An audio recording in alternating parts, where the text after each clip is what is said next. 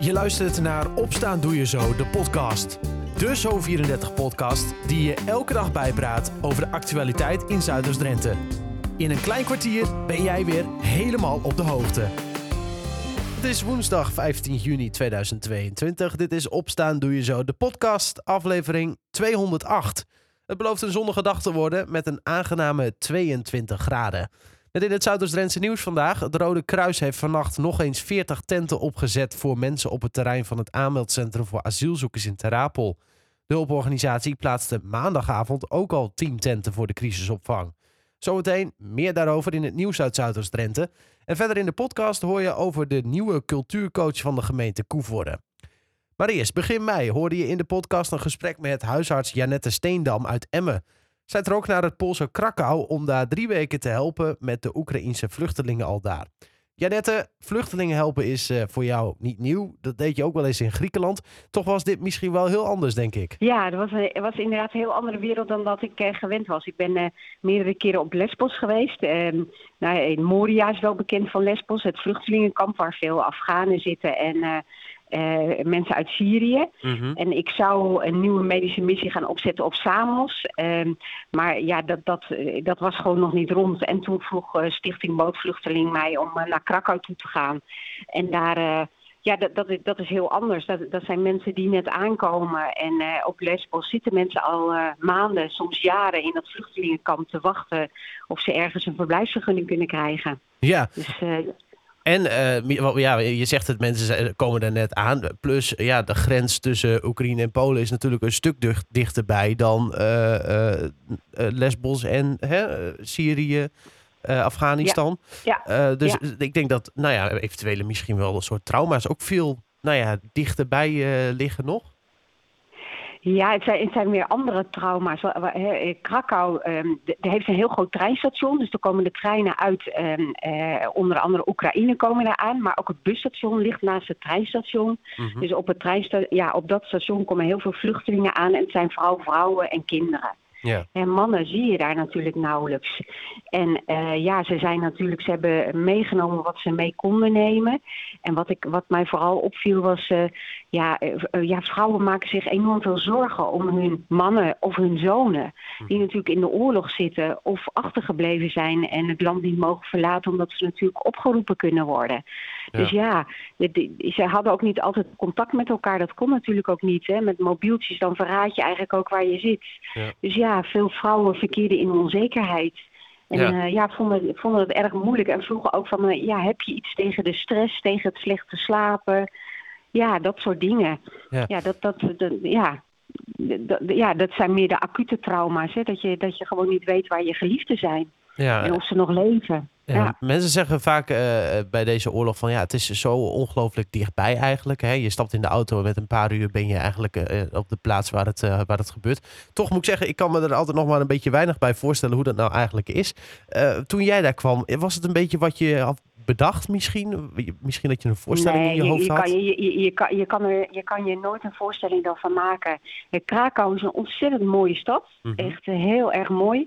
En, en eigenlijk merk je er niet zo heel veel van. En dat vond ik ook wel heel bijzonder. Want um, Krakau heeft heel veel shelters, zeg maar opvangplekken gecreëerd voor de vluchtelingen. Ja. Dus je ziet niemand slapen op bankjes in parken. Niemand uh, in grote groepen door de stad lopen. Dus eigenlijk valt het helemaal niet zo op. En rondom het station hebben ze grote tenten neergezet waar mensen eten en drinken kunnen krijgen. Dus eigenlijk, eigenlijk heb ik gewoon heel veel uh, respect en bewondering hoe de Polen, de uh, Poolse mensen in Krakau dat allemaal doen. Ja. ja, dat gaat eigenlijk allemaal heel, heel erg netjes. Ja, ja, ja, ja, ja want het, het, het, ja, hoe raar het ook klinkt, maar in Krakau, in de Polen zelf, gaat het normale leven eigenlijk natuurlijk ook gewoon door. Ja, van. gewoon door. Ja, Ja. Ik, ik vroeg ook wel aan Polen daar, nou, hoe vind je dat nou, die oorlog daar aan de andere kant van de grens?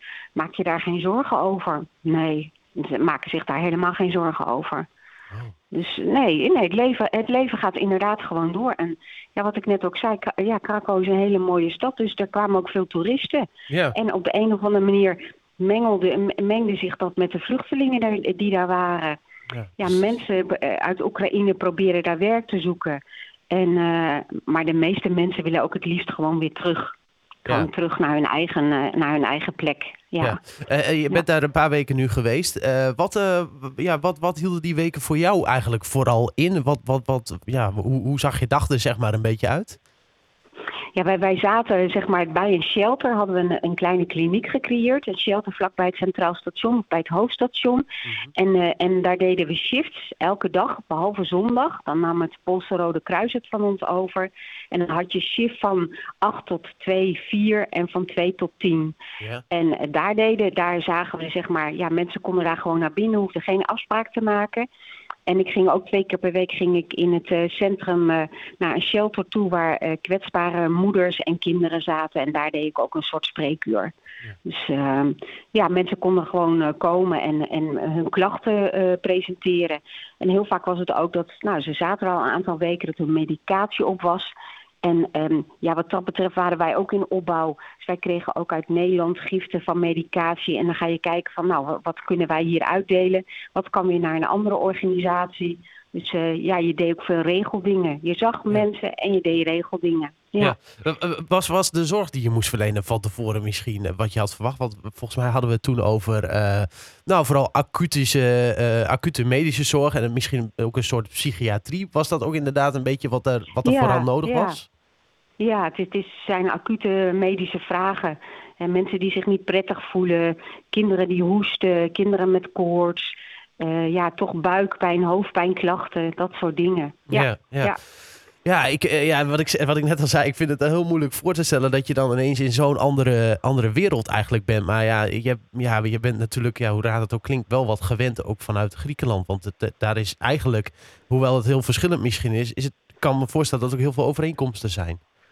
Ja, ja het zijn, zijn gewoon kwetsbare mensen op, op de vlucht en op zoek naar zekerheid. Ja. En uh, ja, ze, ze hebben continu een soort stressniveau, hè? angstig, gespannen, ja, zorgenmakend. Ja, dat kost je gewoon heel veel energie de hele dag door. Ja, ja dat, daar slaap je ook niet goed door. Dus, dus ja, onzekerheid over de toekomst. Ja, dat, uh, ja, dat, dat, dat kost je veel energie. Ja, en dat, en dat uit zich in lichamelijke klachten. Ja. ja.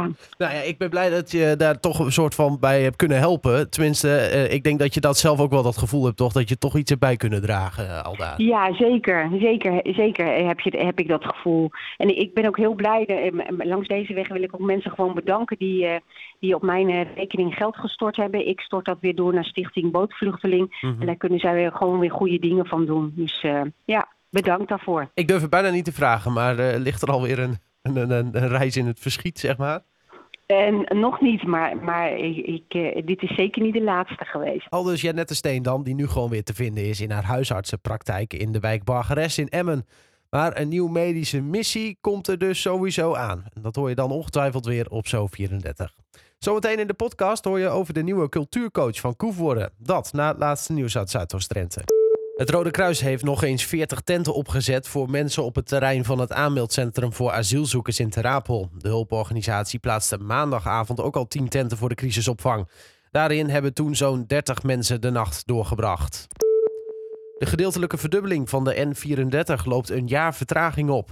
Er is aanvullend onderzoek nodig. Eigenlijk zou er eind dit jaar een ontwerp moeten liggen. Dat wordt nu pas op zijn vroegst eind volgend jaar. Het is namelijk nog niet duidelijk genoeg wat de verbreding van de N34 betekent voor de archeologie, aardkundige waarden, cultuurhistorie en het landschap in het gebied. De provincie wil op de N34 de verkeersveiligheid verhogen, de doorstroming verbeteren en de verbinding voor het openbaar vervoer verbeteren. En dat wil ze doen door de weg tussen Emmen en De Punt gedeeltelijk te verdubbelen. FC Klazineveen staat zaterdag in de finale van de na-competitie voor een plek in de tweede klasse. De ploeg van trainer Patrick Beek won in Zuidwolde van klassegenoot ZZVV. Na de 2-2 stand na 90 minuten beslisten de gasten het duel in de verlenging. In de finale treft de Klazineveen zaterdag B-Quick 1887. Waar die finale wordt gespeeld is nog niet duidelijk. Na drie seizoenen in de derde klasse kan Klazineveen zaterdag dus weer terugkeren in de tweede klasse. En FCM begint het seizoen in de Eredivisie op 6 augustus met een uitduel bij een van de titelkandidaten. De ploeg van trainer Dick Lukien treft dan PSV, de nummer 2 van het afgelopen seizoen. De KNVB presenteerde gisteren het programma van de eerste speelronde in de Eredivisie. Vandaag komt het volledige conceptprogramma. Tot zover het laatste nieuws uit de regio. Voor meer ga je naar zo34.nl of kijk je in de Zo34-app. De 27-jarige Simone Koelman is per 1 november cultuurcoach van de gemeente Koevoorde. Ze is aangesteld om kunst en cultuur daar op de kaart te zetten. Ze moet culturele instellingen met elkaar verbinden en zo nieuwe ideeën opbrengen. Haar belangrijkste aandachtspunt is muziekonderwijs. En daarover organiseert ze vandaag een bijeenkomst om te kijken hoe dat beter geregeld kan worden in de gemeente. Verslaggever Dylan de Lange die zocht er even op en blikte alvast vooruit. Nou ja, allerlei culturele disciplines zijn belangrijk. Uh, maar we zetten nu eerst even in op muziekonderwijs. Uh, muziek maken, als ik naar mezelf kijk, zorgt gewoon voor ontzettend veel ontspanning en plezier met anderen. En het is ook bewezen dat het goed is voor je hoofd door Erik Scherder. Um, en je merkt gewoon uh, dat er veel behoefte naar is om, om daar weer goede infrastructuur voor op te zetten. Ja. Want dat is er nog niet in Koevoorde? Het is niet altijd helemaal zichtbaar en vindbaar. En als cultuurcoach is het belangrijk dat ik uh, partijen bij elkaar breng. En dat gaan we doen. Dus kijken hoe scholen, muziekverenigingen, muziekdocenten kunnen samenwerken om het beter te maken voor alle kinderen en inwoners in Koevoorde. Ja. Met als doel dat uh, heel veel kinderen in aanraking komen met muziek en uh, dat meenemen. Ja, dat dat in ieder geval niet de drempel is. Dat ze er niet mee in aanraking komen. En dan kun, kan ieder voor zich daarna kijken of hij dit leuk vindt of gewoon lekker wil gaan voetballen. Dat is een van de vele werkzaamheden die je hebt als cultuurcoach. Wat houdt het vak een beetje in? Wat is een cultuurcoach? Ja, dan kom je op de klassieker spinnen in het web en met de, met de voeten in de klei. Uh, ja, je bent eigenlijk een vraagbaken voor partijen, culturele instellingen, amateurverenigingen. Uh, ik verbind partijen aan elkaar. Ik geef advies over regelingen, subsidies. Uh, ja, samenwerking met het sociaal domein zitten er misschien nog aan te komen. Dus er is, het is ook maar net welke vraag er leeft bij uh, de cultuursector. Ja. ja. Dus Koevoorde wordt een uh, broeinest van culturele activiteiten straks? Dat is wel de bedoeling. Kom vooral naar mij toe en ik denk graag mee. Ja, want dat is een beetje de bedoeling. Uh, hè, verbinden en contacten leggen en, en dus alles aan elkaar lijmen misschien. Ja, inderdaad. Want je merkt wel dat er zoveel mooie initiatieven zijn, maar dat mensen het niet altijd van elkaar weten en wel wat aan elkaar kunnen hebben. Uh, dus dat is heel mooi om daar een rol in te spelen. Maar ook een stukje kennisdeling van welke regelingen zijn er, welke fondsen, welke evenementen komen eraan. En dus gewoon de hele sector versterken. Ja. Kun je iets, iets op een tipje van de sluier plichten? Wat, wat komt er nog aan? Wat uh, zijn belangrijke dingen de komende tijd? Nou ja, de muziek, eh, dag voor muziekonderwijs. Maar ook deze zomer ga ik samenwerken met de buurtsportcoaches om een zomerprogrammering op te zetten voor de kinderen uh, in de vakantie. Uh, en dat er dan sport- en spelactiviteiten zijn vanuit de buurtsportcoaches, maar ook creatief aanbod. En nou ja, als iemand nog ideeën heeft, meld je, want dat doen we heel graag dat het ook echt aansluit bij wat de jongeren willen. Al dus cultuurcoach van de gemeente Koevoorde, Simone Koelman, over meer muziekonderwijs op basisscholen en nog heel veel andere dingen natuurlijk. En dat kun je even rustig nalezen later vandaag op zo34.nl of bij ons in de app. Tot zover. Opstaan doe je zo de podcast van woensdag 15 juni 2022. Geniet van je dag en tot morgen.